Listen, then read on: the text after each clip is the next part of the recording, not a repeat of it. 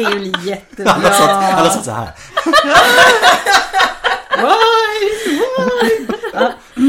Ska, skulle vi säga det ihop förresten? Ja, det var inte det göra. som var grejen? Mm. Fast du, no, du får ju säga hej och välkomna och så till. Och så säger vi alla. Podius Castus, en podd om antiken. Okej, okej. Codius pastus. Det kommer säkert ske nu bara för det. Det är plebejer all over again. Plebejer. Eller, eller Carnarvon. Ja, den var svår. Jag klarar inte av det. Nej, men Det det, är inte. Det, är mycket enkl- det är mycket enklare att säga om man pratar engelska rakt igenom. Tycker jag. Carnarvon. Ja. Knaven. Knaven. Knaven. Knaven. Men jag är väldigt glad att, att du var okej med att behålla det för att Ja. när du gjorde den rösten, det var så briljant. Men då behövde man ha med hela förspelet Ja, för att jag, det skulle liksom... jag, jag har ingen, vad heter det, honor. Här. Ja, Jag har okej. ingen honor. Det är bra. Cheers, Eh, everybody. Angelica, du skål. Chin Skål. chin. Ja. Skål. Cheers. Hej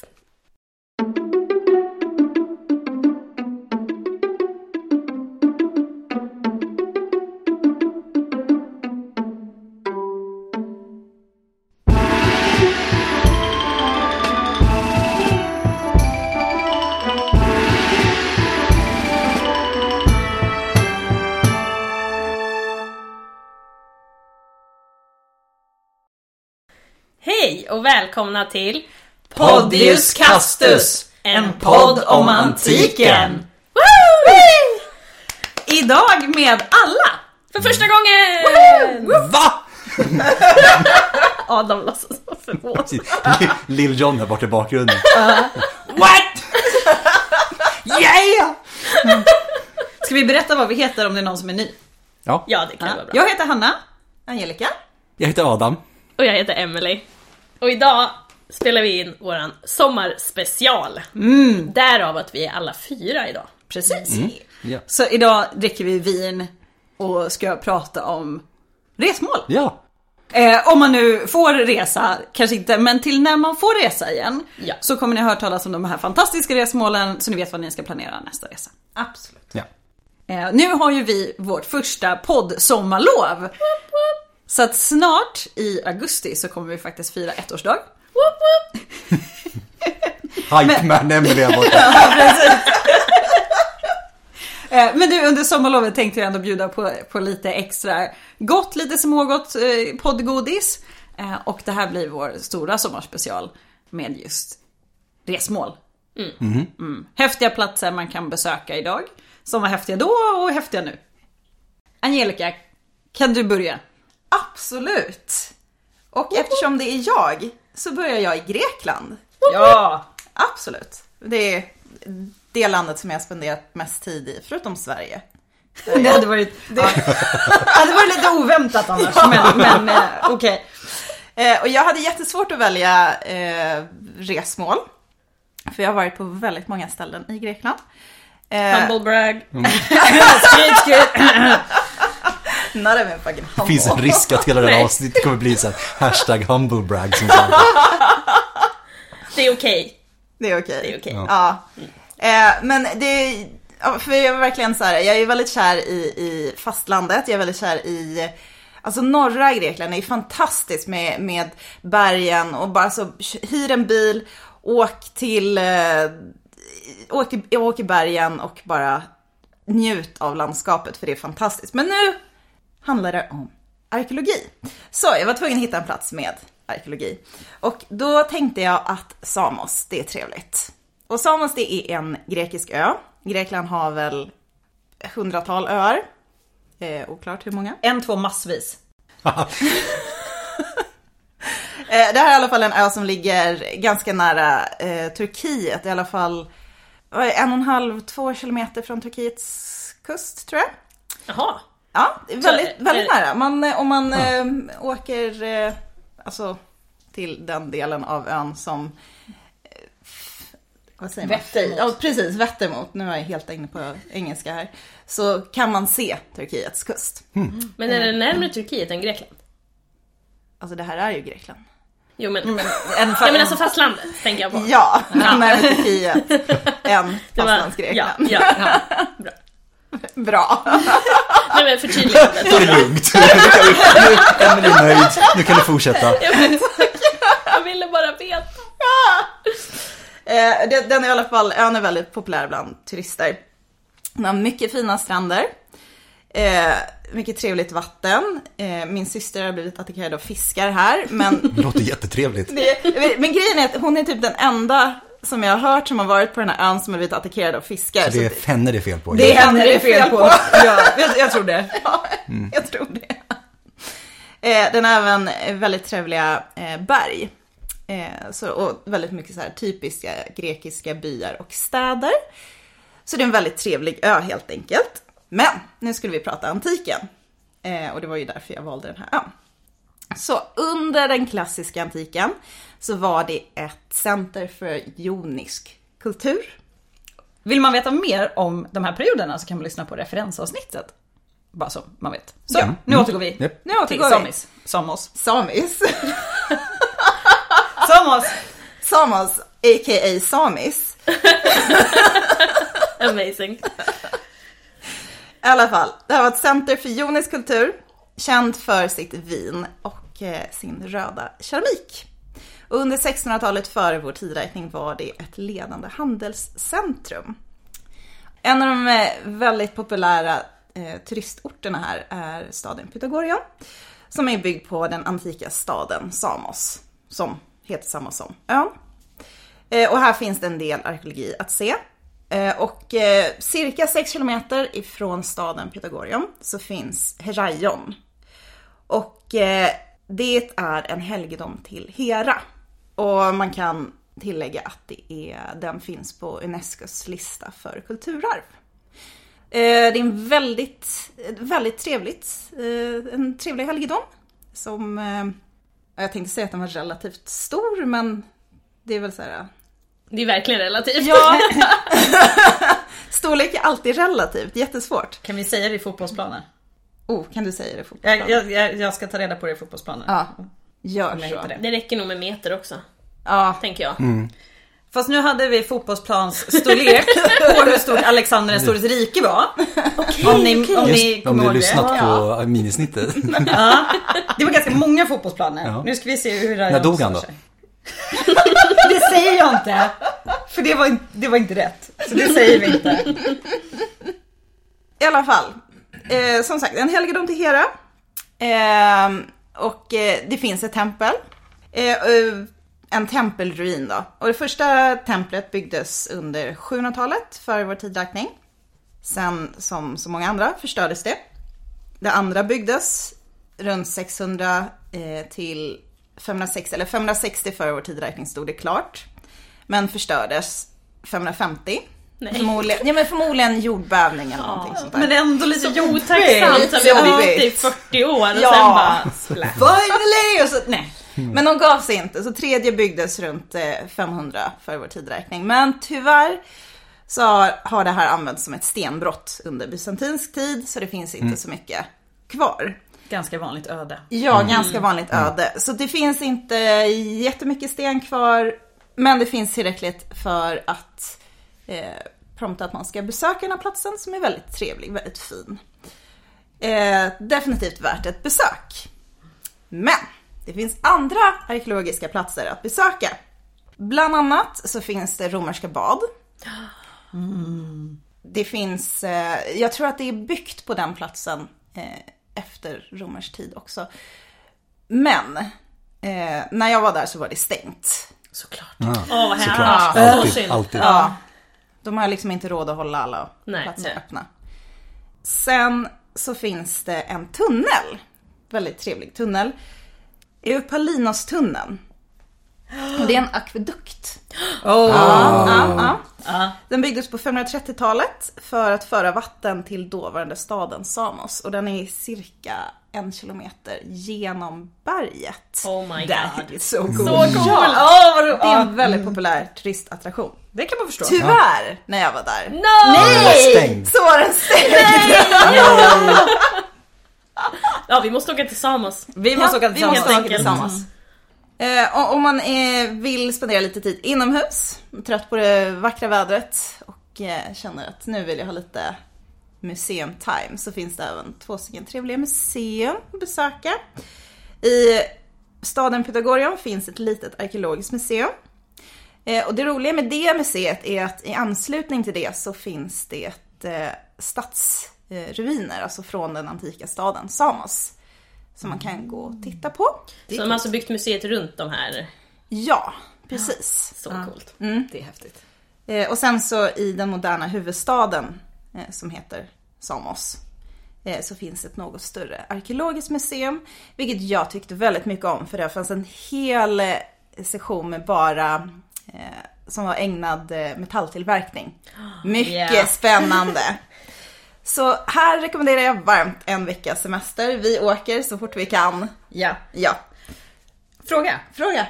Ligger den moderna staden Samos rakt ovanpå den antika staden Samos? Nej, den Nej. moderna staden Pythagorion ligger rakt ovanpå den antika staden Samos. Okej. Den Ja. moderna staden Samos ligger en liten bilfärd därifrån. Mm.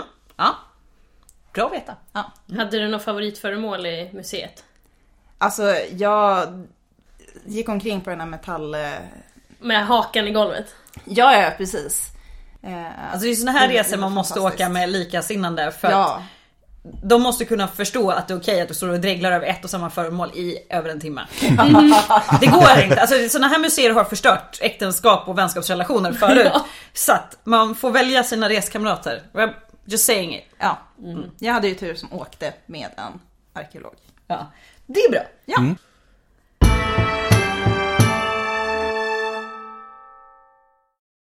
Okej, så från Samos, gott vin, god mat, strålande sol. Så ska vi ta oss någonstans där kuisinet är sisådär kanske man ska säga. Vinet vet jag inte så mycket om. Ölen ska vara ganska bra. Vädret har väl en del att önska. Lite regnigt. Vi ska till England. England och antiken går faktiskt jättebra ihop. Eh, Och vi ska faktiskt bege oss till Hadrianusmuren. Så det är norra England. Eh, tänker kust till kust mellan Newcastle och Carlisle ungefär. Där är vi. Gränsen till Skottland. Gränsen till Skottland. Tänk eh, Braveheart. Det är faktiskt en jättefin scen från Braveheart som är Faktiskt har filmad sett vid Braveheart. Hadrianusmuren. Inte jag heller. Wow, har ni inte... Har ni inte Oh! sett Braveheart? Nej. Sen, igen! sen blev Mel Gibson cancelled så att... Hur som helst, i den filmen så är det en jättefin vy på ett träd som växer i liksom en liten klyka mellan två kullar och så är det en mur. Det är från Hadrianusmuren.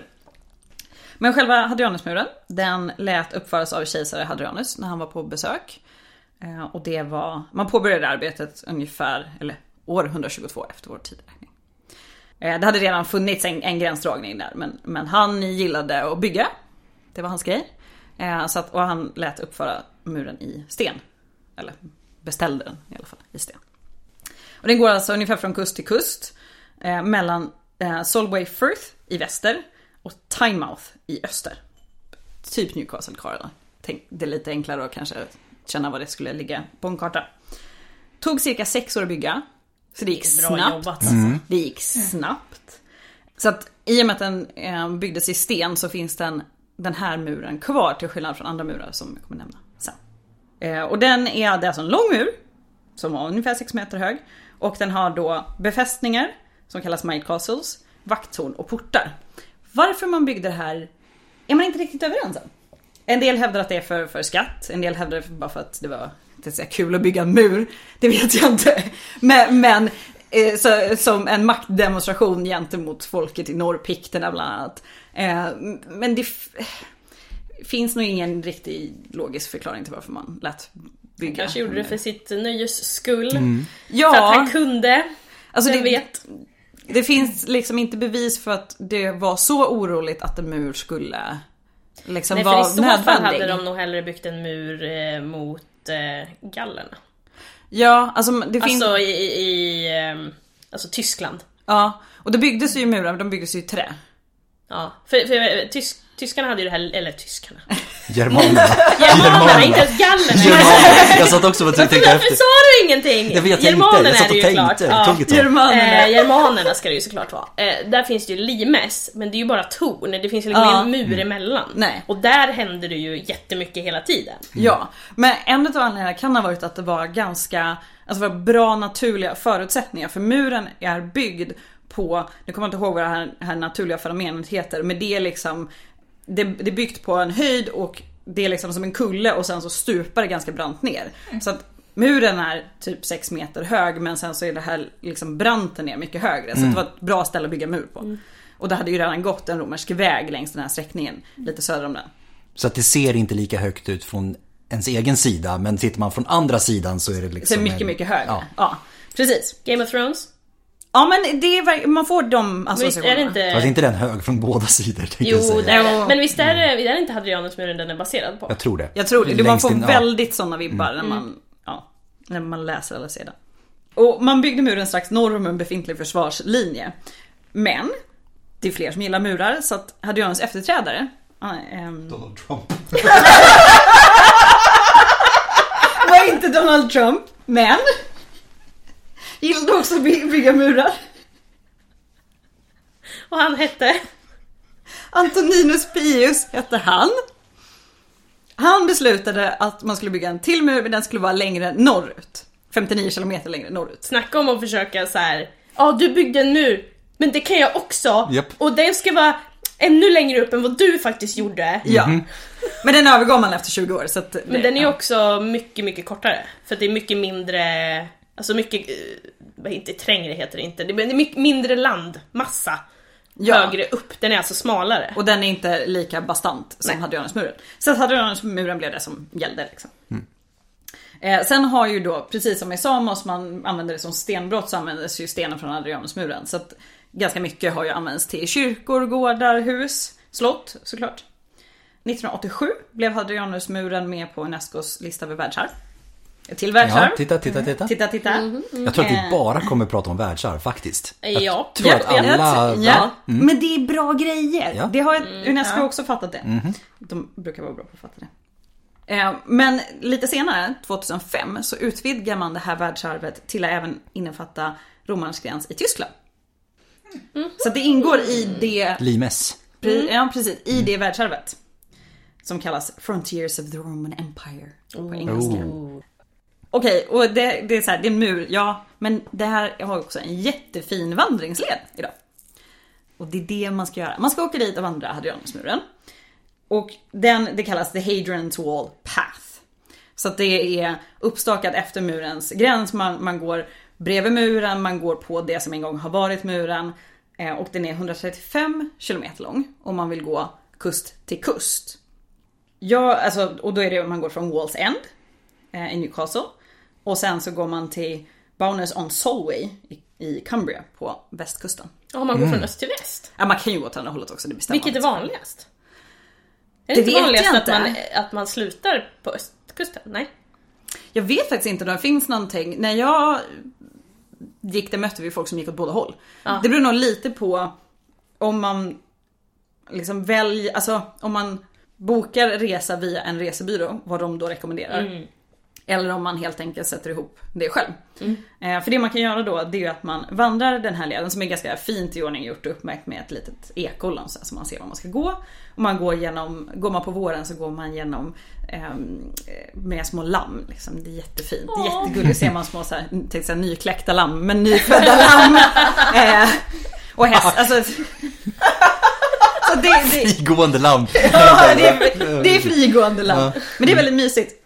Eh, och då kan man, då får man liksom bo på så här bed and breakfast och så får man äta full English breakfast och det är Vissa ställen är väldigt, väldigt brittiska som man kan bo på. Men det är supermysigt. Så kan man va- vandra och tycker man det är lite jobbigt att bära sina saker så finns det jättemånga tjänster som flyttar ens packning från A till B. Så att de kör ens grejer från ett bed and breakfast till det andra. Så det kan jag rekommendera. Så behöver man bara med sin För du har ju gått och- det här själv. Jag har gått Det själv. är därför du kan säga vad som är bra. Ja. Jag är lite småbekväm av mig så jag skulle rekommendera att man inte bär all sin packning. Lätt, varför ska jag bära typ 30 kilo när jag kan ha någon annan bära åt mig? Ja, alltså, Howard Carter här borta. Hallå? de körs ju med bil. Så att, men, ja, jag, nej, men jag skulle rekommendera det för det är, är man inte, det är en det är en lätt vandring att göra som ovan vandrare om man inte bär sin egen packning. Men det är fortfarande ganska långt man ska gå varje dag. Eh, beroende på, är det pissregn så är det inte alltid jättekul. Är det strålande sol är det ganska jobbigt. Men då kan man bara bära med sig mat för det finns inte jättemycket ställen att mat på. Men det finns ganska många roliga museum man kan besöka på väg. Och ett utav dem, jag ska säga först, innan vi kommer till museet, så skulle jag rekommendera att man går det som kallas the best of.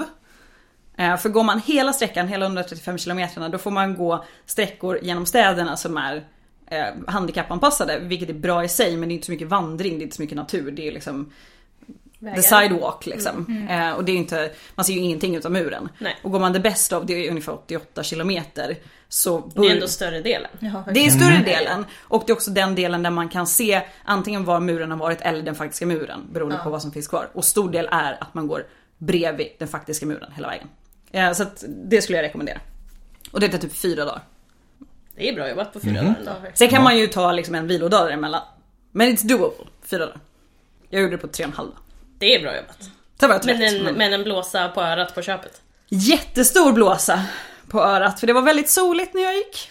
Och jag hade ingen bra hatt. Lärdom för Ja, livet. hatt ja. Hatt är bra. Hatt och vatten. Solskydd. Solskydd är bra. Bra skor. Regnkläder. Ja. Men det finns som sagt ganska mycket bra sajter, alltså museum som man kan besöka på vägen. Och vi ska då landa mer specifikt på Vindolanda. Och Vindolanda är ett fort som ligger lite söder om Hadrianusmuren. Och Vindolanda ska betyda det vita fältet. Eller man tror det i alla fall. Och det var ett romerskt aux- auxiliafort. Som hade sin första bosättning mellan 74 till 85 efter vår tideräkning. Så alltså innan Hadrianusmuren byggdes. Och det kommer att vara ett, nio stycken fort som man har identifierat som har varit på den här platsen. Så man har alltså byggt ett fort, bott där, övergett det, byggt ett nytt, bott där, övergett det och så vidare och så vidare. Och det blev en ganska stor liksom, samlingsplats för när man byggde Hadrianusmuren. Så det var också de trupperna som bodde där som sen skickades till muren, bland annat. Ehm, de första utgrävningarna på den här platsen börjar 1814. var det en präst som hade köpt den här marken och flyttat in i ett litet hus som idag är museet på, den här, eh, på det här museikomplexet. Eh, Och han byggde där i typ 20 år, sen dog han och han han faktiskt inte Byggde publicerat. han där i 20 Nej, han grävde där, förlåt. Ja. Eh, Han, bygg... Stod han byggde kanske också på lite hönshus. jag, liksom? Nej, Ja. Han kanske byggde något litet hönshus eller något. Det han, han grävde och han inte publicera allt i alla fall. Det är bra jobbat ändå. Som Det- präst bara, men jag ja. gräver och publicerar. Men det var ju antagligen mer utav en hobby än hans heltidsjobb. Ja, det var ju 1800-talet. Precis. att, eh, Ja. Som vi har pratat om förut, det här med arkeologi och 1800-talet. Det, är inte, det finns ingen disciplin än som, och inga... Nej. Och mig vetligen så var det liksom, som jag har förstått det så var det han. Det var inte så att han tog dit liksom världens grävarlag Nej. eller liksom, utan det var han som hade det här specialintresset. Så jag tror ändå att han gjorde ett hyfsat bra jobb. Alltså han var inte så, liksom, förstörde inte så mycket men han kanske inte hann så mycket heller. Även om det var en lång period så gräv själv på en sån här sajt. Det, det, det, du, du kommer inte många kvadratmeter. Men nej. Men det tar ungefär 100 år till de så att säga moderna utgrävningarna påbörjas och det är 1930-tal. Eh, Och då köps den här marken av en person som heter, han heter Burley efternamn och det är även de som driver det idag. Och då har man till och med nyligen ganska köpt lite mer mark så man liksom får köpa loss det här från de som har ägt det tidigare. Köpa loss den marken så man kan börja gräva på den här platsen. För de får inte gräva annars. Alltså de kan ju gräva med tillstånd men ma- markägarna behöver ju oftast marken till annat. Så det, det man köpte senast var eh, kallas The North Field, alltså norra fältet. För man i Vindolanda, ska berätta lite mer om vad man hittat där, men har man inte hittat någon gravplats, man har inte hittat några gravar. Och det tror man finns i det här norra fältet. Så den har man då fått tillstånd från den bonden som ägde som har fått köpa den marken. Jag tror fortfarande att eh, bonden har rätt att ha sina, eh, eh, sin boskap där. Lite oklart på det. Men, men så man, ja, hela den här, alltså hela norra England, hela England är ju fullt av sådana sajter. Då måste man ju köpa loss marken för att kunna gräva för att annars måste den brukas till någonting annat. Sen har vi hela, som sagt, hela norra England där. Då är det ju liksom vikingar också. Ja, alltså det finns hur mycket arkeologi som helst i, och är man i det här stället kan man åka till jättemånga andra romerska sajter så det är verkligen jättebra ställe att åka om man vill se romerskt. Men i Vindolanda så var det ju både själva fortet, som jag nämnde att det fanns nio fort, men så fanns det också en by, en vikus, som låg precis bredvid. Som var liksom själva staden. Och det bodde inte bara soldater, det bodde barn, det bodde hantverkare, det bodde såklart kvinnor. Finns det barn finns det kvinnor.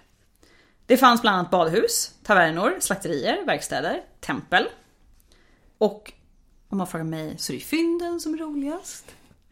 Och varför då? Jo, det är så att flera av de här lagren som man gräver sig igenom, kulturlagren, är, ehm, det här är ett jobbigt ord, anaerobiska, alltså syrefria. Tänk typ Bockstensmannen, moss, mossfynd liksom. Motsatsen till aerobisk. Precis. Precis. I got the knowledge. Yippee, smart! Det gör att utan syre så förmultnar inte vissa typer av föremål. Så att på Vindolanda, eller i Vindolanda, har man hittat sånt som man inte brukar hitta. Typ läder, trä, alltså sånt som brukar försvinna. Eh, Man brukar kunna hitta keramik, man brukar kunna hitta sten och så vidare. Men här har man så pass mycket mer. Och det bara väller ut fynd ur den här platsen. Alltså det är helt bisarrt. Man har till exempel hittat jättemycket skor, boxningshandskar av läder, en liten lädermus som man tror var en liten leksak, ett Det var lädertält. inte bara en död mus alltså, utan det var... Nej, nej, det var en, en, en, en leksaksmus gjord av läder. Lädertältet är coolt. Lädertältet Det är väl nästan unikt va? Ja, det, ja mig veterligen finns det inga andra. För det, där man hittar läder, alltså romerskt eller antikläder, så är det ju i norra England, i några ställen i Tyskland och där det är mycket, mycket varmare. Typ Egypten, Iran, alltså de, de områdena där å andra sidan är väldigt, väldigt torrt. Men du hittar ju extremt sällan sånt i dagens Italien eller dagens Grekland för att de förutsättningarna finns inte. Men förutom de här läderföremålen som jag tycker är jättehäftiga så har man också hittat eh, de så kallade Vindolanda-breven. Eh, Och det det är alltså små, små tunna träbitar, tänk typ litet vykort. Eh, Som man har skrivit med bläck, så det är handskrift. Eh, Och det här, de här är så fantastiska för det här är, alltså det är festinbjudningar. Det är inköpslistor. Det är eh, begäran om mer öl. Det, det är en soldat som har skrivit eh, och bett om att de behöver mer öl. Sen har samma person vid ett annat tillfälle skrivit och bett om att få ledigt. Alltså, det här är så nära man kommer de här människorna. Det är fantastiskt. Alltså det är helt galet. Hejsan morsan. Ja! Tjena stabben.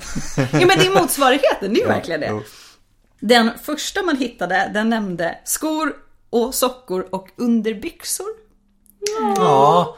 Men det är också, det är, alltså de här är skrivna utav både soldaterna som bodde där, det är skrivet av kvinnorna som bodde där.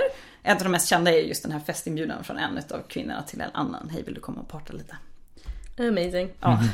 Eh, Det är barn som har gjort sina skrivläxor. Det är brev från en slav till en annan. Så man har liksom hela befolkningen representerad i de här. De är så häftiga.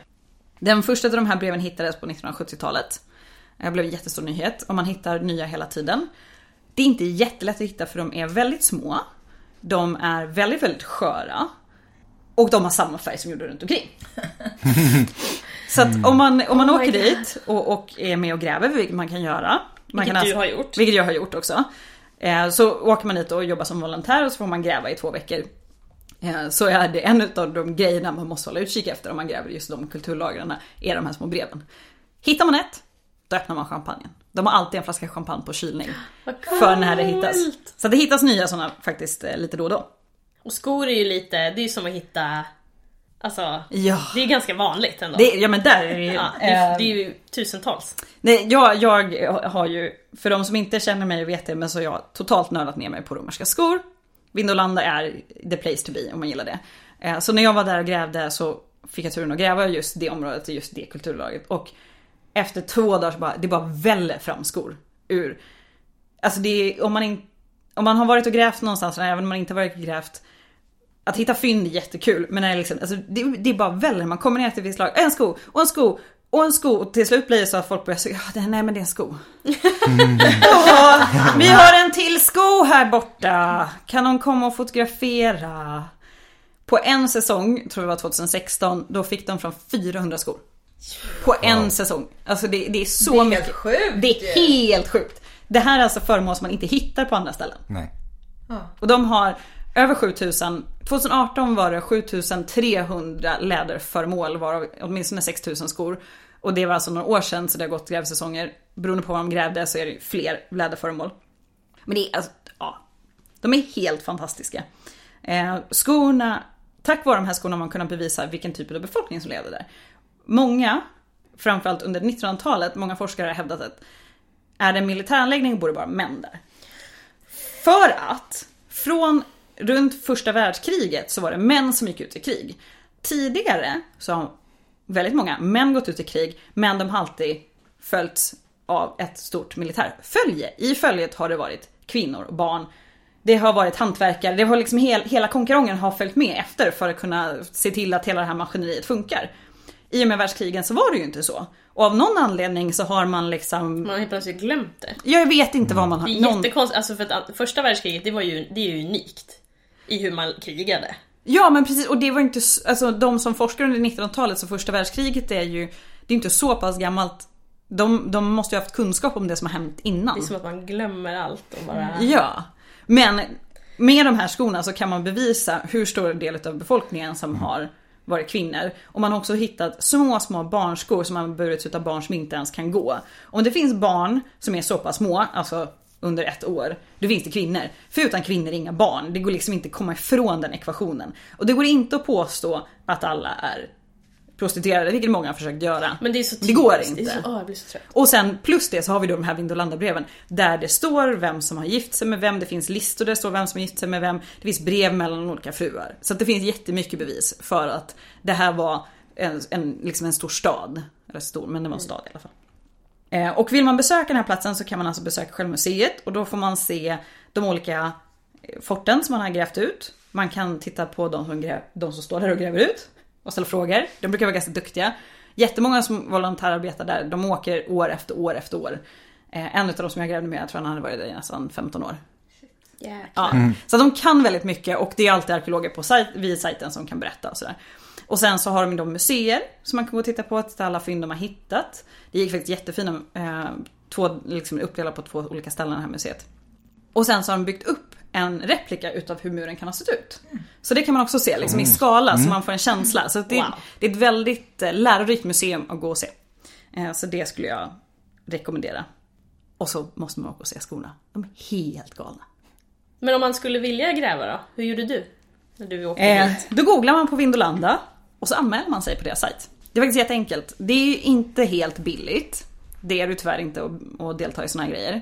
Ehm, man kan ehm, välja och delta, eh, delta och bo alltså i, deras boende och så får man mat ur dem. Det skulle jag inte rekommendera för när jag var där så maten var fruktansvärt dålig. Alltså så brittiskt det bara kan bli. Det vill säga tre rätters till middag med så här uppvärmd fryspaj och den stackaren som åt vegetariskt fick äta fejkon.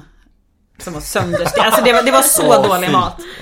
Trots ganska tungt fysiskt arbete i två veckor så gick man upp i vikt. För lunchen var en macka med, det var, det var, inte, det var inte en grönsak i sikte kan jag säga. Någonting som kanske har varit, någons döda katt mellan de här två vita brödskivorna. En påse chips och en Snickers. När man ändå ska stå och gräva Inte i nio ett timmar. äpple liksom, en Snickers. Nej, nej en Snickers. Ja. Det är väldigt praktiskt om man inte vill köra bil för att man bor på sajten och det är trevligt boende men maten är som sagt inte så god. Eller så kan man välja som de flesta som åker dit är att man bor någon annanstans och så har man en hyrbil eller cyklar till sajten. Eh, Och det är två veckor och de har en ganska lång grävsäsong så det är ganska lätt att få plats. Men man får vara, eh, googla och se när man ska anmäla sig. Så det kan jag rekommendera. Det är kul att både besöka som besökare och kul att åka och gräva om man vill testa på. Så att jag kan verkligen rekommendera att eh, åka dit och titta på det.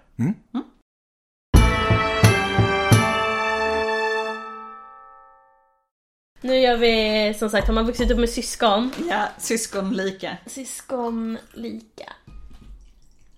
Hur går det för mig? Går det bra? Ja, det tycker jag det ser väldigt jämnt ut härifrån. Nu, Om vi tar en flaska var så kan jag vaska Min och min systers syskonrelation var att jag alltid sprang dit och tog den största biten först. Den som delar är inte den som får välja. Nej men exakt, det är så Ja. man måste. Men det var verkligen så här, ja, precision med linjalen. Ja. ja. Sen så tycker vi om så olika saker så det brukar aldrig bli någon konflikt. Jag gillade inte chokladen på Kinderägg. Men jag vägrade. Va? Ja, jag, Och då åt men, du bara leksaken eller? Jag inte. Men jag vägrade låta min lilla syster få chokladen utan den skulle ligga Ja. i kylskåpet. Men om min lilla syster vann någonting på Lotto, vilket hon alltid gjorde och jag aldrig, vann hon ofta två saker och jag fick alltid en utav dem. Så jag är världens snällaste lilla syster och jag var, Det var typiskt stora syster. Men det var ju som det året min bror fick operera bort halsmandlarna. Jag var så jävla svartis alltså.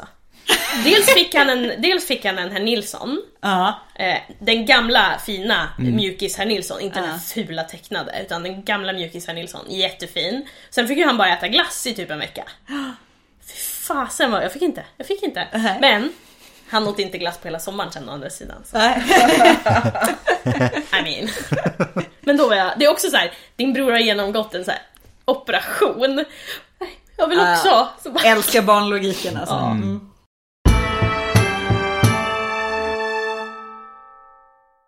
Vi eh, fortsätter med Hadrianus tycker jag. Han är för övrigt en av de coolaste kejsarna. Enligt min åsikt i alla fall. Men han byggde väldigt fina saker. Han gillade ju att bygga. Han, gillade, han var en revolutionär i romersk byggkonst. Han tänkte supernytt. In, romarna har ju uppfunnit både cement, betong, betong, cement uppfann de inte. De uppfann betong och valvet. Två jättebra saker. Alltså, vi har ju ganska mycket användning för dem även idag. Ja, och, och in, i och med valvet så var det ju så här, man kan lägga mycket tyngre saker. Ja. Alltså, hö, hög, stora, tunga och att det håller liksom. Jämfört med förut. ja. Pantheon till exempel, den är huge. Ja. Och det är ju väldigt mycket tryck där. Så, mm, han, han var en revolutionär. Det, dit vi ska, vi ska till Italien. Vi ska till Hadrianus villa eh, utanför Tivoli i Italien som ligger ungefär 30 km från Rom. Så det är väldigt nära. I vilken riktning? Öster om, om jag inte är helt ute och cyklar. Ja, Hadrianus villa. Han gillade inte att hänga i Rom så mycket. Så han, vill- och han ville ha ett, ett ställe att hänga på. Och just den här platsen var väldigt bra för det finns väldigt mycket vatten runt, eller det fanns väldigt mycket vatten runt omkring. Och i närheten fanns det åtminstone ett par akvedukter som försåg Rom med vatten. På den här platsen så fanns det förutom vatten också kalk och kalksten som är väldigt viktiga ingredienser i betong. Så som man bygger, det är att man, man, bygger, i, man bygger mycket i betong. Och sen har man eh, tegelstenar. Och sen slabbar man på eh, lite marmor ovanpå. Slabbar man på, man tar penseln och bara såhär. Slab! Som i Men det är, för att det, heter, det är för att det heter slab på engelska. Alltså, Ja, eh, själva marble stycket. slab. Ja. Ja. Men det skulle vara trevligt om det var som i Kalle Anka så här jul. Ja. Med den här schacken. Åh, det är min favorit. Ja, det är Det är min bästa. favorit, det är det Ja. bästa med allt. Ja. Fast man körde liksom lite marmorslabb. Ja. Så det, ja, det, är, det är typ den. Och innan Hadrianus, då har man, alltså man har byggt väldigt fina, stora, grandiosa byggnader. Men det har varit praktiskt. Har det varit. Mycket, mycket liksom, det, det ska vara nyttigt, nytta med det. Och han bara, screw it! Vi ska bygga grandiost, stort och vackert också. Ännu Men- mer. Byggde man inte också mycket samma lika innan? Ja, Alltså man hade så ett recept på ett bra hus. Ja, men och lite så. Man. Det är det. Och sen det är klart att, att eh, Hadrianus villa, det är liksom, det är också lite samma lika. Men det, det är more. Speciellt badhusen skulle jag säga. Det som är coolt med Hadrianus villa, det är att hela ytan, den är större än staden Pompeji var. Nej, det är huge. Alltså det är helt Alltså det stort. är helt sjukt Det är stort. Det, det är ett Helt- litet så här det- lyxhus som är lika stort som en stad. Ja, det, det är typ Inte så 30 litet 30, lyxhus. Nej, nej, nej, det är men- 30 plus byggnader som eh, tillsammans är på en yta som är mycket större än en stad. som han skulle ha det är- själv. Alltså han skulle vilja ha lite alltså, ja, kompisar där ja, och så. Men ja, menar det var men det är hans. liksom, det är en hel... Alltså, förut, han har ju, det finns en jättefin så här, bassäng med massa fina statyer runt omkring och... och Är sen inte har, det en av de mest kända liksom, vad ska man säga, bilderna? Alltså, Jo. alltså vyerna från Hadrianus villa. Ja, Man är ser de här liksom, statyerna Ja, och det är den så här bassängen. krokodiler och grejer. Ja. Ja, det är så fint. Det är, jätte, Ja, det är jättefint. jättevackert. Och sen har vi då ett ja, palats inom citattecken om vi nu ska...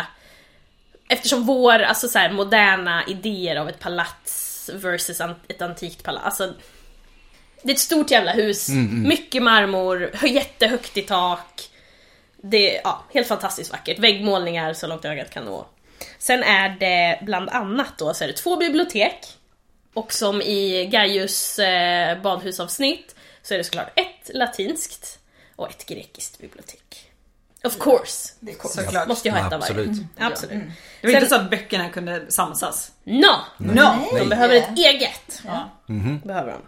Sen har vi två badhus. Inte ett.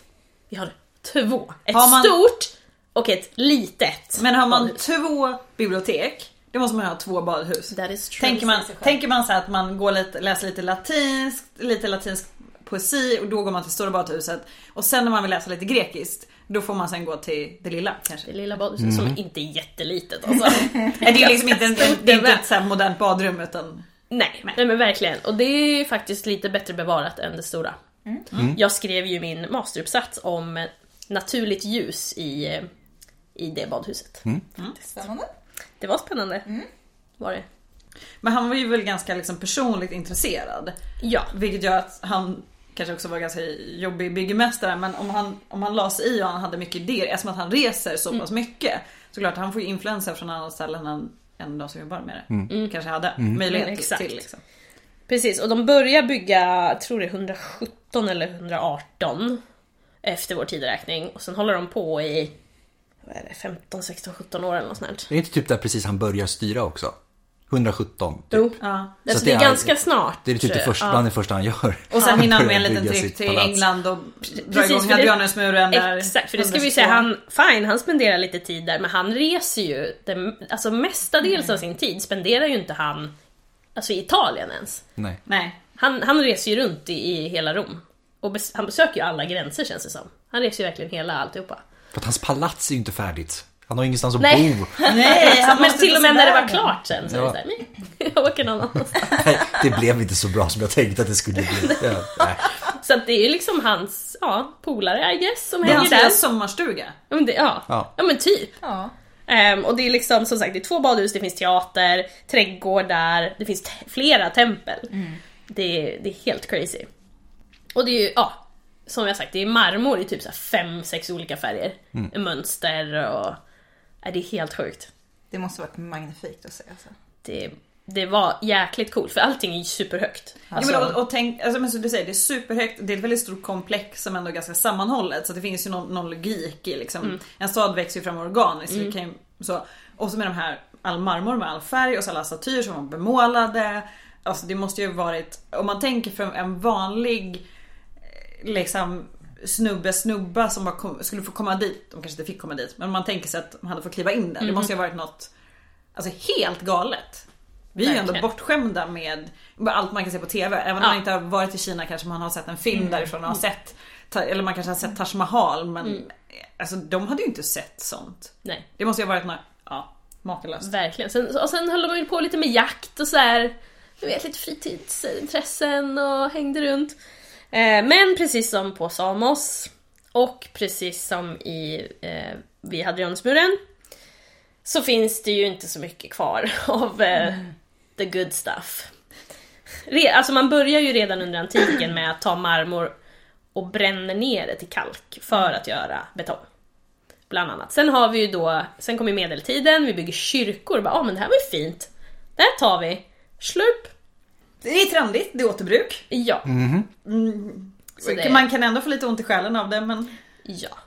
Men, nej det är coolt att gå runt här. Verkligen. Eh, Det är svårt att få en idé om hur stort det är faktiskt. Även fast man promenerar omkring. Så blir det jag liksom hade så ingen aning om att det var så stort. Det är sjukt stort. Alltså det är helt crazy. är det inhägnat? Alltså om, Ja, eller var det nej. inhägnat?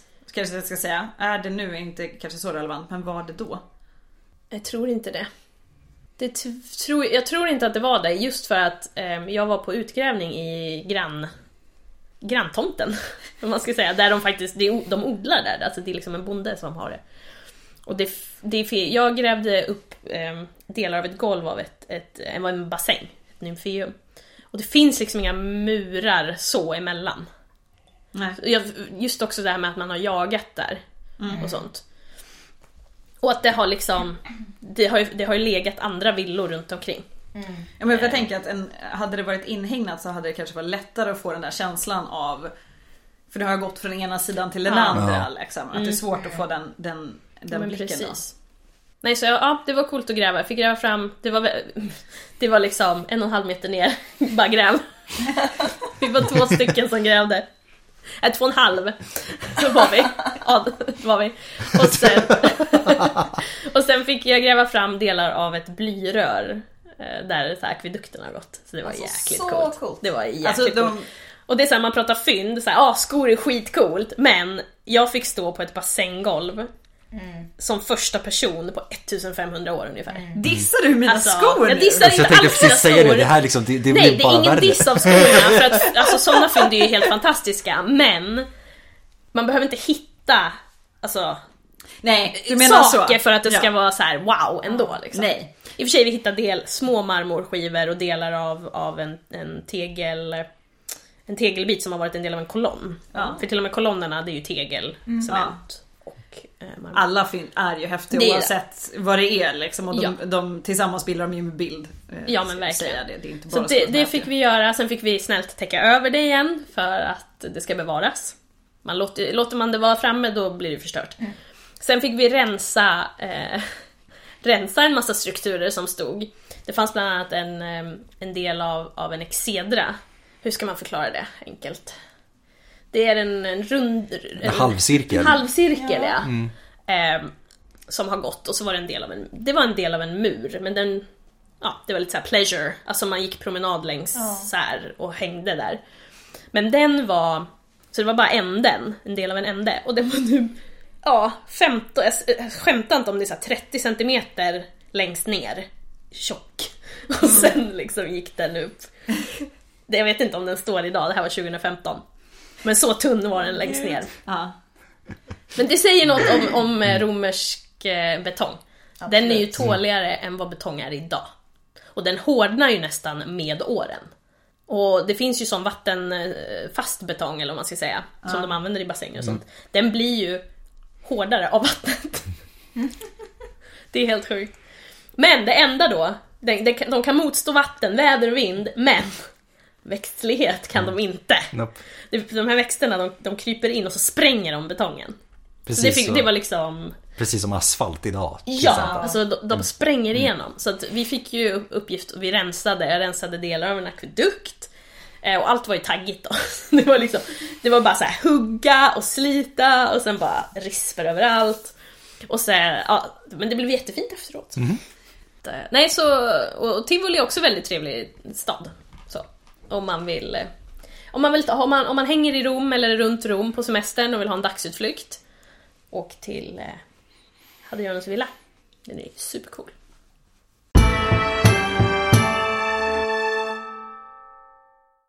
Nu ska vi bakåt i tiden. Vi ska, ja, precis. Alltså från Hadrianus. Från Hadrianus ska vi faktiskt tillbaka i tiden. Vi ska dessutom tillbaka till Grekland. Och vi ska tillbaka till en grekisk ö. Det är inte samma grekiska ö som vi var vid första gången, det hade varit roligt. Ja. vi, vi kom väl fram till att det var ungefär hundratalet öar. Ja, i den grekiska övärlden. Ja, precis. Ja, precis. Så det- det Så välja en det finns ett par att välja mellan och jag valde en annan. eh, det var väl ändå bra. Det, det tycker var jag bra. var bra. Det tyckte jag var bra. bra. High five. Bra jobbat Adam. Eh, men den ön som vi ska till, den ön kan vi inte bo på. Så att vi måste bo på en annan ö. Mellanlandar. Precis. Och den ön som vi ska till, herregud, det här blir rörigt, är Mykonos. Party Central. Party Central, nummer, inte kanske nummer ett, men en, En, utav dem. en av en av dem, alltså. absolut. Ja, det skulle jag säga. Eh, och den är dyr som tusan också. Så att Dyrt att festa. man får, man får offra lite grann om man ska hit. Eller inte hit, men dit vi ska. Hänger ni med? Nej, och, dit vi, och dit vi ska. dit vi ska är Delos. Delos! Delos. Eh, och Delos ligger då en knapp båtfärdstimme. Snyggt. Nice save. Snyggt nice, saved. nice save. Eh, en knapp timmes båtfärd från Mykonos. Så att efter den här timmen så landstiger man då på Delos och Delos är då som sagt en obebodd ö.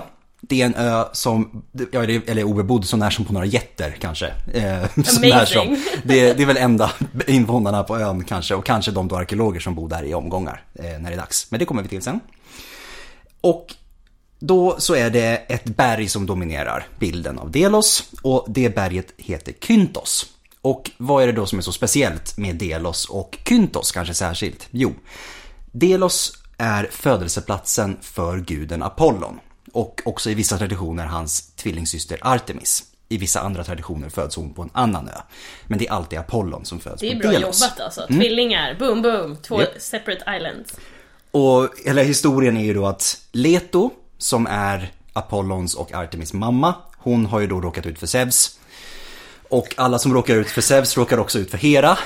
Eh, vilket betyder att, ja, vilket betyder att Hera eh, helt enkelt blir arg och försöker förhindra att Leto föder.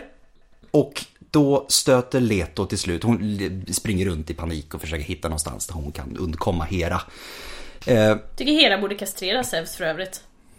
Mm. Alltså är det någon som ska straffas Ja. så är det Zeus liksom. Ja men vad fan ger hon sig på kvinnorna för? Det var inte som att de bad om det där. Nej. nej, Heras bitch. She's a bitch. Ja. Ja. Zeus is a rapist. Ja, ja, ja absolut. Mm. Eh, I många former också, det är det värsta. Ja, ja. Han tar så här, ah jag blir en svan, jag blir en tjur. Man bara, Mm. oh, Mhm. just no. Ett gyllene regn. Örn. Ja. ja, ett regn, det är den bästa egentligen.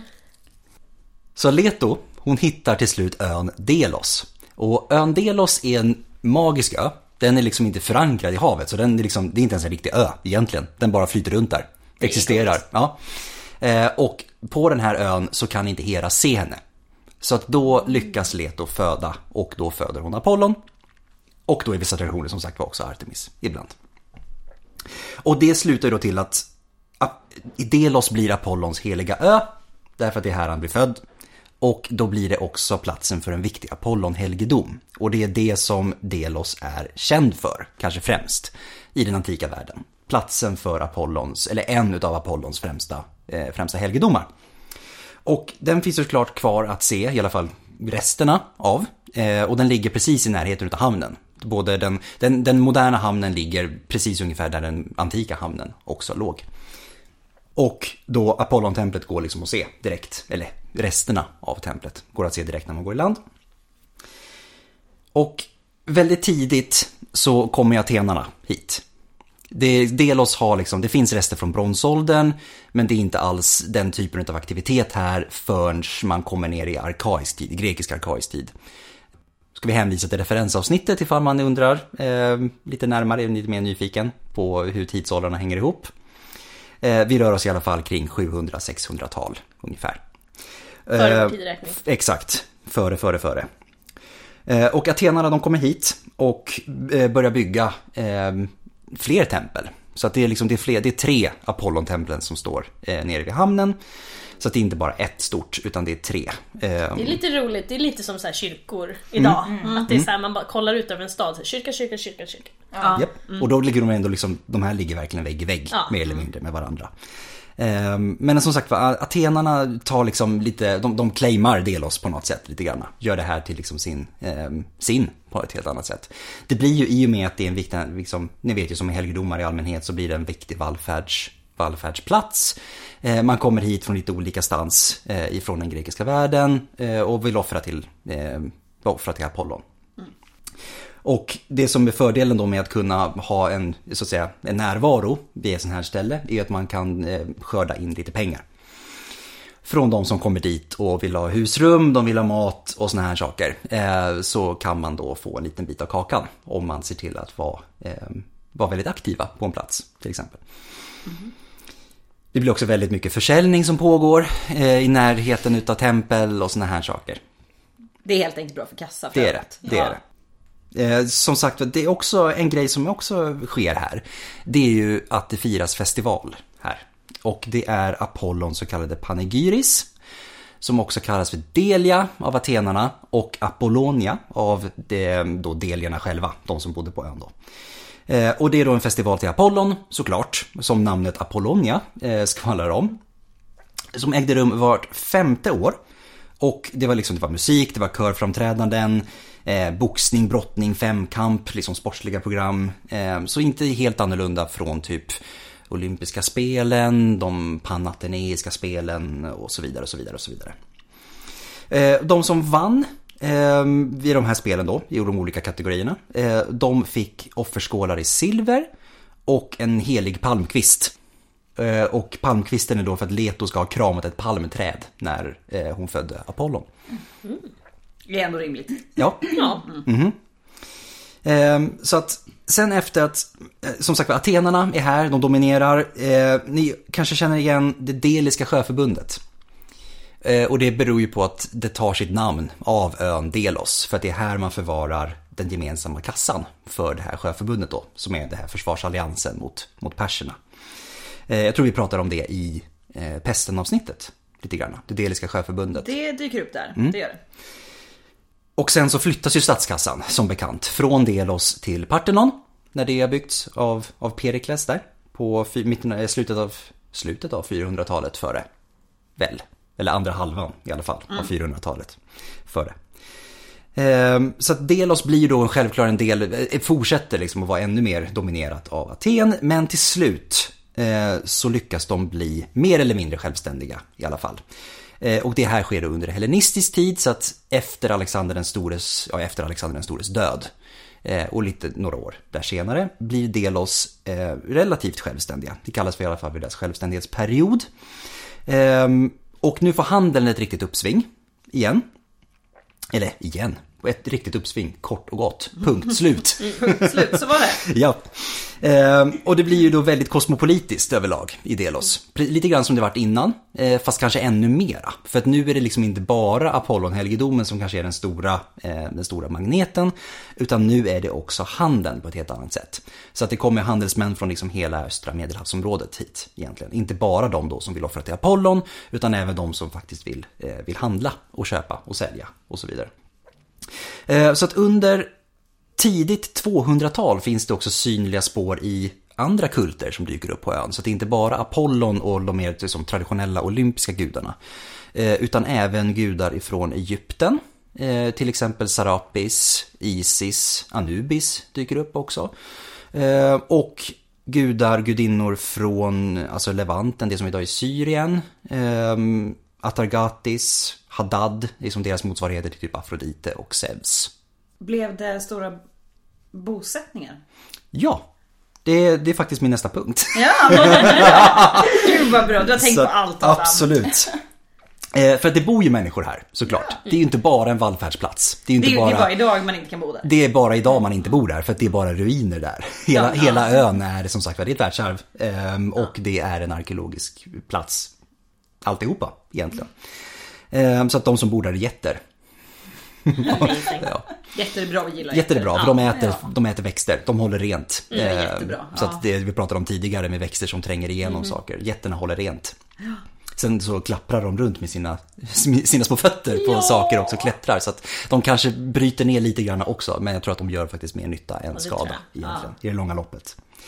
Men som sagt under antiken så var det ju en annan femma. Då var det ju faktiskt folk som bodde här och det är klart att det var ju då, det blir viktig hand, för handel och man har också en, en väldigt viktig helgedom bredvid sig. Så att det är klart att det blir också ganska mycket pengar som flödar in och det finns ganska mycket fina, flådiga hus. Eh, faktiskt bland de få bevarade hus från hellenistisk period finns här på Delos. Det är jättecoolt. Ja, Ehm. just det. För, för, för det är en sak om man tänker typ Alltså, många gånger om man, när man gräver, eller har back in the day när man gräver, man vill ju till klassisk tid. Mm. Så man gräver ju bort allt som kommit efter. Precis. Så man tappar, hellenistisk tid, det var ju inte så viktigt jämfört med det här klassiska Grekland med demokratin liksom. Det, det har man ju grävt bort väldigt mycket. Ja, hellenistisk har ju liksom ofta sett som lite ful Ja. på något sätt i sammanhanget. Ehm, Det har inte varit idealet Nej. på något sätt. Så att en, just varför Delos är en så viktig arkeologisk plats har kanske främst att göra just med bostadsarkitekturen som finns, som eh, finns spår utav och som finns väldigt bra bevarad. Omkring 90 hus totalt har grävts ut. Och då är det alltså bostadshus. Och, och det är allt ifrån alltså, stora, riktiga, liksom, typ vad man skulle kalla för atriumhus om man var i en romersk kontext. Så lyxvillor. Eh, precis, eh, till mindre som bara kanske är ett rum eh, och sådär. Eh, och just själva stadsmiljön är liksom oftast precis ungefär det som man känner till från Pompeji. Det är liksom mixed use skulle man kunna säga. Det är liksom bostäder och affärer blandade om vartannat på något sätt. Så det som liksom ut mot gatan har vi affärerna och sen så ligger liksom husen där bakom på något sätt. Liksom. Ehm, du skulle som att du skulle säga något. Nej men, nej, men jag tänker så här, det, är, det är lite som, ehm, som Amsterdam. Mm. Alltså där är ju liksom husen står ju ganska nära kanalerna och man ser väldigt, väldigt lite trädgård där. Men den finns ju ganska ofta på innergården. Mm. Eh, alltså, alltså man har den, lite mer den principen där. Eh, och det är lite samma här liksom. det. Att du har ju affärerna ut mot gatorna och så kanske bor du längre in. Eller ovanpå Till beroende exempel. på höjden. Mm. Ehm, som sagt var, det, alltså det finns hus som är så stora som mellan 100 och 200 kvadratmeter bevarade. Bland de här då Jäklar. 90 som finns. Och- så och det är då- inga små saker. Och då tänker vi bara eh, bottenvåning ju. Väl? Det finns både och. Eh, så att jag tänk, menar kvadratmeterytan. Ja, kvadratmeterytan är nog... kvadratmeterytan. nog- Tänk, Ja, precis. tänk då, för de Ja. husen har ju säkert en våning till. Till, till, precis, absolut. Det var det du- Ja, absolut. Absolut. Det är själva, precis. Ja. Den, i- inte, inte kubiken utan... Nej, ja. ja. Inte boytan utan Nej, precis. exakt. Precis. Ehm, och det är som sagt var de största då blir som en central gård som fungerar som luft och ljusinsläpp typ atriumhus. Eh, med som sagt var rum för eh, alla möjliga typer, liksom, allt som kunde innehålla i ett hushåll, allt som ett hushåll kunde innehålla. Såklart också utrymme för slavar och sen som sagt var utrymmen för, ja ni vet, det här som man känner till från Aten, bland annat med Andron, eh, männens rum och ja, hela den biten också. Och i takt med att Delos då ökar i rikedom, ju mer handel som pågår, ju större blir också husen. Så att det liksom, man kan spåra husen just i tid med att de växer och växer med tiden mer eller mindre, just under den här självständighetsperioden. Eh, Så att det liksom, de får också flådiga väggmålningar, de får mosaiker, friser ehm, och så vidare. Och det finns också en väldigt utvecklad vattenförsörjning. Eh, 69 hus av de 90 man har hittat hade toaletter som var anslutna till stadens avloppssystem. Det är imponerande. Det är riktigt imponerande. Ja. Eh, De flesta av toaletterna fanns vid ingången. Och var då alltså synliga eh, och tillgängliga för alla som kom in i huset. Så att det var liksom lite grann som att man har toan i hallen, typ. Ja, Mm. ja, ja. logiskt. Ja. Absolut. Eh, och såklart, vi ska ju säga det också att de allra rikaste, de allra största husen är såklart undantag. De flesta husen är ju då mindre och liksom ett rum och sådär, för det är där majoriteten bor. Men det är ändå väldigt häftigt när man hittar både och att man kan titta på hur de ligger i förhållande till varandra och jämföra för då, då är det ju sammanhållet på ett helt annat sätt. Precis. Det är därför sajter som Pompeji är så häftiga eller Herculaneum eller och så vidare. Liksom. Att man har mycket Ja. att jämföra med. Som sagt, just det här med jämföra är ju knepigt i och med att det finns inte så mycket andra hellenistiska hus bevarade. Så man vet liksom inte vad man ska jämföra med. Man har liksom inget att jämföra med. Så man, det är liksom svårt att säga om just husen på Delos var typiska på något sätt eller om de var exceptionella på grund av läge och såna här saker och omständigheter. Så som till exempel rikedom och såna här saker. Var, som sagt man har inte så mycket annat att jämföra med. Så det är svårt att dra några slutsatser. Lite grann som Pompeji. Man har liksom inte så mycket annat. Man har inte fyra Pompeji. Nej. Eller fyra. Eh, på, olika, på fyra olika platser i världen. Hade man haft det så hade man kunnat göra jämförelser på ett helt annat sätt. precis. nu blir det liksom att ja, men vi, vi vet att det ser ut så här i alla fall på den här platsen. Men om det var likadant på någon annan plats är svårare att säga. Eh, som sagt vad vi har pratat om Delos som vallfärdsort för den här Apollon, eh, Apollonkulten, den lokala Apollonkulten då. då. Eh, och vi har pratat om det som handel. Och handel är ju spännande, just för att Delos har egentligen inga naturliga så att säga, faktorer för att kunna vara ett handelscentrum. Det finns ingen hög lokal efterfrågan i området. Utan allting kommer liksom långväga ifrån, så det finns liksom ingen lokal handel att ha som bas. Och det finns ingen produktion på själva ön. Så att allting importeras. Mm. Och det finns heller liksom ingen naturlig hamn egentligen. Det finns liksom ingen hamn som fungerar som liksom skydd mot väder och vind på ett alltså, på något sätt. Jag tänker liksom naturliga hamnar är ju ofta liksom typ, man tänker vikar eh, som går liksom långt in. Här är det liksom bara mitt smack, boom, stranden, havet. Det finns liksom inget Hela ön är skydd. opraktisk. Ja men alltså. verkligen, verkligen. Så att egentligen, jag, jag tror- jag tänker mig att, liksom, att orsaken till att den blev en så pass viktig handel har ju helt att göra med kanske rollen Just att det var redan väldigt mycket människor som strömmade hit. På Ja, men- grund av mm, kulten. Precis. Ja, absolut. Eh, vilket betyder att det blir liksom, man har hela tiden en stridström med människor som kommer hit. Vilket betyder att det alltid finns som sagt var en efterfrågan för de som i alla fall besöker. Så att man tänker liksom en antik sorts turistnäring. Till exempel. Det är en turistort. Ja, det blir det. Fast på liksom en, en vallfärdsort på ett helt annat sätt. Liksom. Ja men det är så lite pilgrimsort. typ kanske så. bättre Typ att så. jämföra med. Mm, verkligen. Så att, okej, eh, handel är då inte, vad ska jag säga, det en stor del av handeln är såklart med helgedomen, men all handel är inte kring helgedomen. Framåt lite senare i tid, eh, nu är vi kanske nere på 200-talet, så det är fortfarande liksom, det är under hellenistisk tid, del av sig självständigt, allting är lyckligt. eh, eller i alla fall de känner kanske så, de känner sig glada. Eh, de får behålla ganska mycket själva, eh, de behöver inte betala så mycket till det Deliska sjöförbundet som de behövde göra tidigare. Och väldigt mycket spannmål börjar komma hit. Eh, spannmålshandeln blir stor på Delos. Eh, så att väldigt mycket av det som produceras runt Svarta havet, ni vet Svarta havskusten som Aten var så beroende av för sin spannmålsproduktion, hamnar nu på Delos. Spännande. Eh, det liksom omdirigeras via Delos på något sätt. Så att det, ja. Och sen kommer då romarna in i bilden. Så att nu, det är ju liksom precis under den här sena hellenist, eller senare halvan av hellenistisk tid som romarna börjar bråka. Med, den, med den grekiska världen skulle man kunna säga. Ja. Eh, 166 Eh, det är då romarna är och bråkar i alltså fastlandsgrekland och med makedonierna och sådär. Då blir Delos en frihamn på order av romarna. Romarna bestämmer att nej, nu ska Delos vara en frihamn. Och vad är då en frihamn? Det är en frihamn man inte behöver betala, man behöver inte betala tull. Det är lite så fri, Jag trodde det var mer fritt från krig eller Ja, här problemen. nej, du tänkte fristad. Det är Ja, precis. Fast hamn. Ja, just det. Ja, nej. Man behöver inte betala tull. Ah, det. Eh, och det kan jag tänka mig att romarna blev ganska eh, glada. Det var ju liksom romarna som nu kontrollerar handeln så att de kan ju nu bara punga in resten utav eh, överskottet, mer eller mindre. Eh, romarna ville ö- dessutom konkurrera ut Rhodos. Rhodos som var det andra stora handelscentret i området. Eh, så att då liksom ville de att, då skulle man tänka att okej, Delos behöver vi inte betala skatt vid, då kan vi ta det dit istället, istället för att betala massa skatt på Rhodos och sådär. Så att då får man en ännu större kontroll över handeln.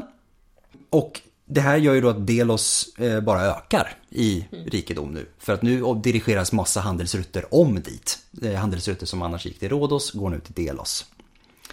Eh, men romarna för ju med sig någonting annat också. Någonting som eh, så att säga sporras på ytterligare. Det har ju, skedde ju såklart även innan romarna. Men romarna tar det till sin extrem och det är slavhandeln. Eh, som får sitt, ett litet centrum på Delos.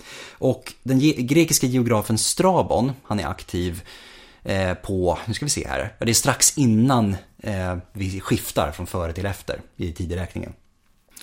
Och han skrev att 10 000 slavar kunde säljas och köpas på en enda dag på Delos. Jäklar Så alltså. sjukt alltså. Ja. Det, det är nog kanske inte riktigt sant. Eh, Men det är nog inte, man vill nog tänka sig att det är ett fruktansvärt stort antal Det var ju inte oavsett. så. Nej, Nej, nej. exakt. För att om det hade varit så många som Strabon eh, påstod, alltså 10 000, så betyder det att det förmodade behovet av slavar i hela romarriket skulle säljas på Delos på ungefär 25 till 50 dagar. Ja. Så att det, det är nog, han har nog tagit i en Ja. del. Eh, Men han som sagt var, det, man får tänka sig att det kanske ligger någonting bakom Han har väl tagit i för att det var mycket. Ja. Sen har han inte orkat räkna. Precis. Mm. Och då drog jag till med en siffra. Han kanske började räkna och sen så tappade han räkningen. och Bara, En, två, massvis. Dra, dra, till, dra till med någonting bara. ah, t- ti- 10 000. 10 000. Det låter fin och rund siffra, vi tar där. Klart. Eh, men eh, det här Happy Days skulle ju inte gälla för evigt eh, i fallet med Delos, tyvärr.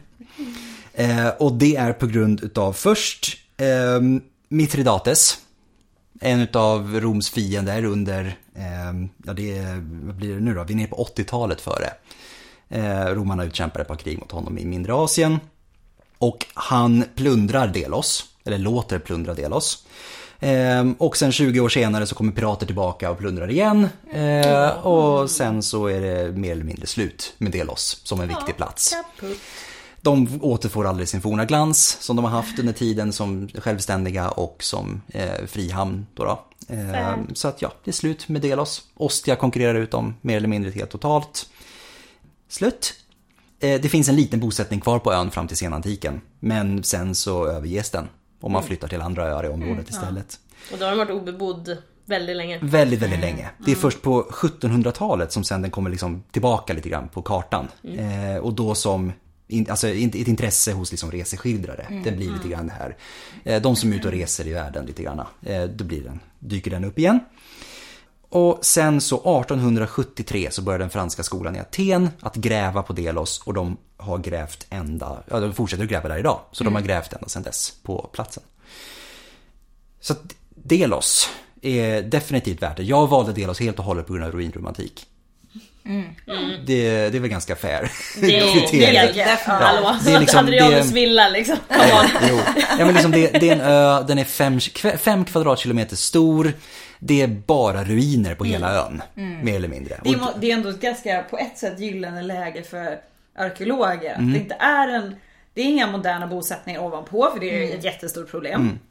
Mm. Eh, och det, bor, alltså det kommer ju massa turister dit och Mm. de ställer till med sitt men det är ju ändå lite mer, man kan styra det på ett helt annat Ja, ja. sätt. Verkligen. Så att det är liksom, man har den här typiska grekiska, jag menar man, man ser liksom berget, det är liksom den kuperade terrängen och så är det bara liksom eh, ruiner som sticker upp i marken. Då har det blå havet, blå himlen. På våren så täcks hela ön av ett hav av blommor i olika färger. Ja, Fantastiskt. så att det är, åk dit på våren. Eh, det är väl stalltips i sådana fall. Jag tror att de Ehm. flesta av våra resmålstips är bra på våren. Ja. Ja, Alltså man Ja, tänker också, Jag rekommenderar ju lite bad också. ja då kanske man vill åka lite senare. Ja, Just det. maj då. Ta så. Då är det ju stek, stek. Äsch.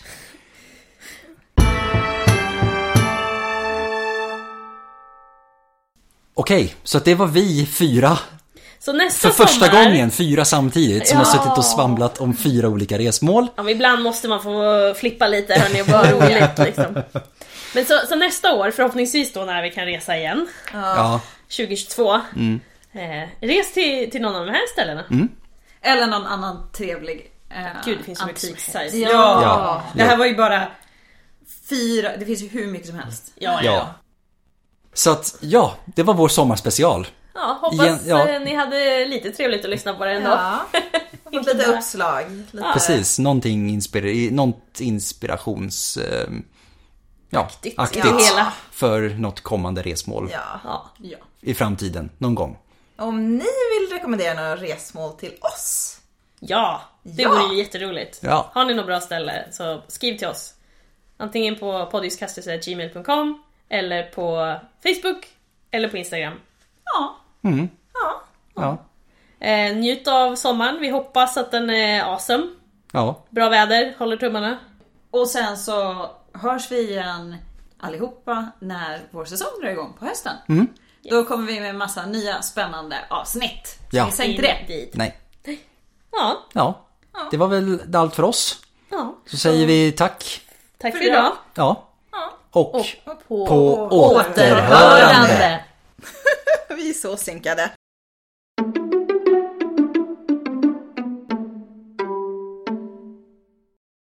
Hela Sicilien i princip en hel, eh, ett helt museum. Där har de ju dvärgelefanter by the way. På museet. Ja. Det är så coolt. Alltså de är typ som en shetlandsponny i storlek. Alltså sa, samma som uh, Homo florensis eh, hängde med. Alltså senare, alltså normal, alltså homo, homo sapiens. Som hängt med tror jag, till och med. Nu ska vi inte... Ja men homo, homo sapiens häng, fanns ju samtidigt som Homo florensis. Jaha. Men på den ön, är någon, hjälp mig här vilken ö. Ah, Man hittade Homo florensis. Typ någonstans i Indonesien väl? Ja, så fanns det ju också dvärgelefanter. Ja, fast det här var ju då sicilianska dvärgelefanter. ja. Så det är inte samma sorts som... Så det är en annan ö. Det måste vara en annan ö. Ja. ja, vi är i Italien och inte Indonesien så det... Jo, Jo. ja, men, men jag tänkte det är inte samma släkte som har sen tagit sig upp, nej. Det vet jag inte. Menar du av dvärgelefanterna eller människorna? Dvärgelefanterna! Homo florensis Alltså de har ju säkert långt. någon gemensam anfader eh, way back when. Men frågan är om inte de sicilianska är någon typ av släkt med de afrikanska elefanterna och att... Är de framavlade till dvärg? Nej. naturligt urval. Just det, för det finns ju massa exempel på. På dvärg, alltså så här, ö, dvärg, dvärgism eller mo- motsatsen. Att antingen Ja. så blir små djur gigantiska eller så blir stora djur minimala. Precis, för det, för det var det som hände på den här ön som jag snart ska hitta vad den heter, där Homo florensis. För jag tänkte, Komodo är ju en sånt exempel på motsatsen. Där ödlorna, komodovaranerna har blivit gigantiska Men en istället. hare är alltid en hare, eller hur?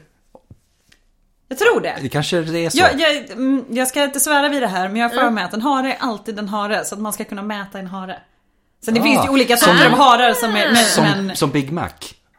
ja, ja, men lite som Big Mac-valuta Ja. så har man... Har, ja, ja, ehm. Angelica ser ut som att hon vill dö. Okej, det här har ju vi, det här borde vi ha listat ut. Homo florensis kommer från ön Flores. Det var ganska logiskt. Det är jättelogiskt. Ja. Det är jättelogiskt, Ja. det borde vi ha förstått. Eh, men det, det, som hände med de här stackars dvärgelefanterna är ju samma öde som eh, Sea Turtles höll på att gå till mötes. Där man bara åh, de var goda, let's eat them all. Det är typ det som hände. Som, som dronten. De, de som dronten liksom. Ja. liksom inte ens så här, vi kan ha dem som husdjur, de kan dra grejer. Nej, vi äter dem. För också så här, och så har de inte haft några naturliga fiender. Och så kommer de bara fram och tänker, åh vad är det här som händer? ja! Mm. Titta vad roliga de ser ut, de går på två ben. Ah!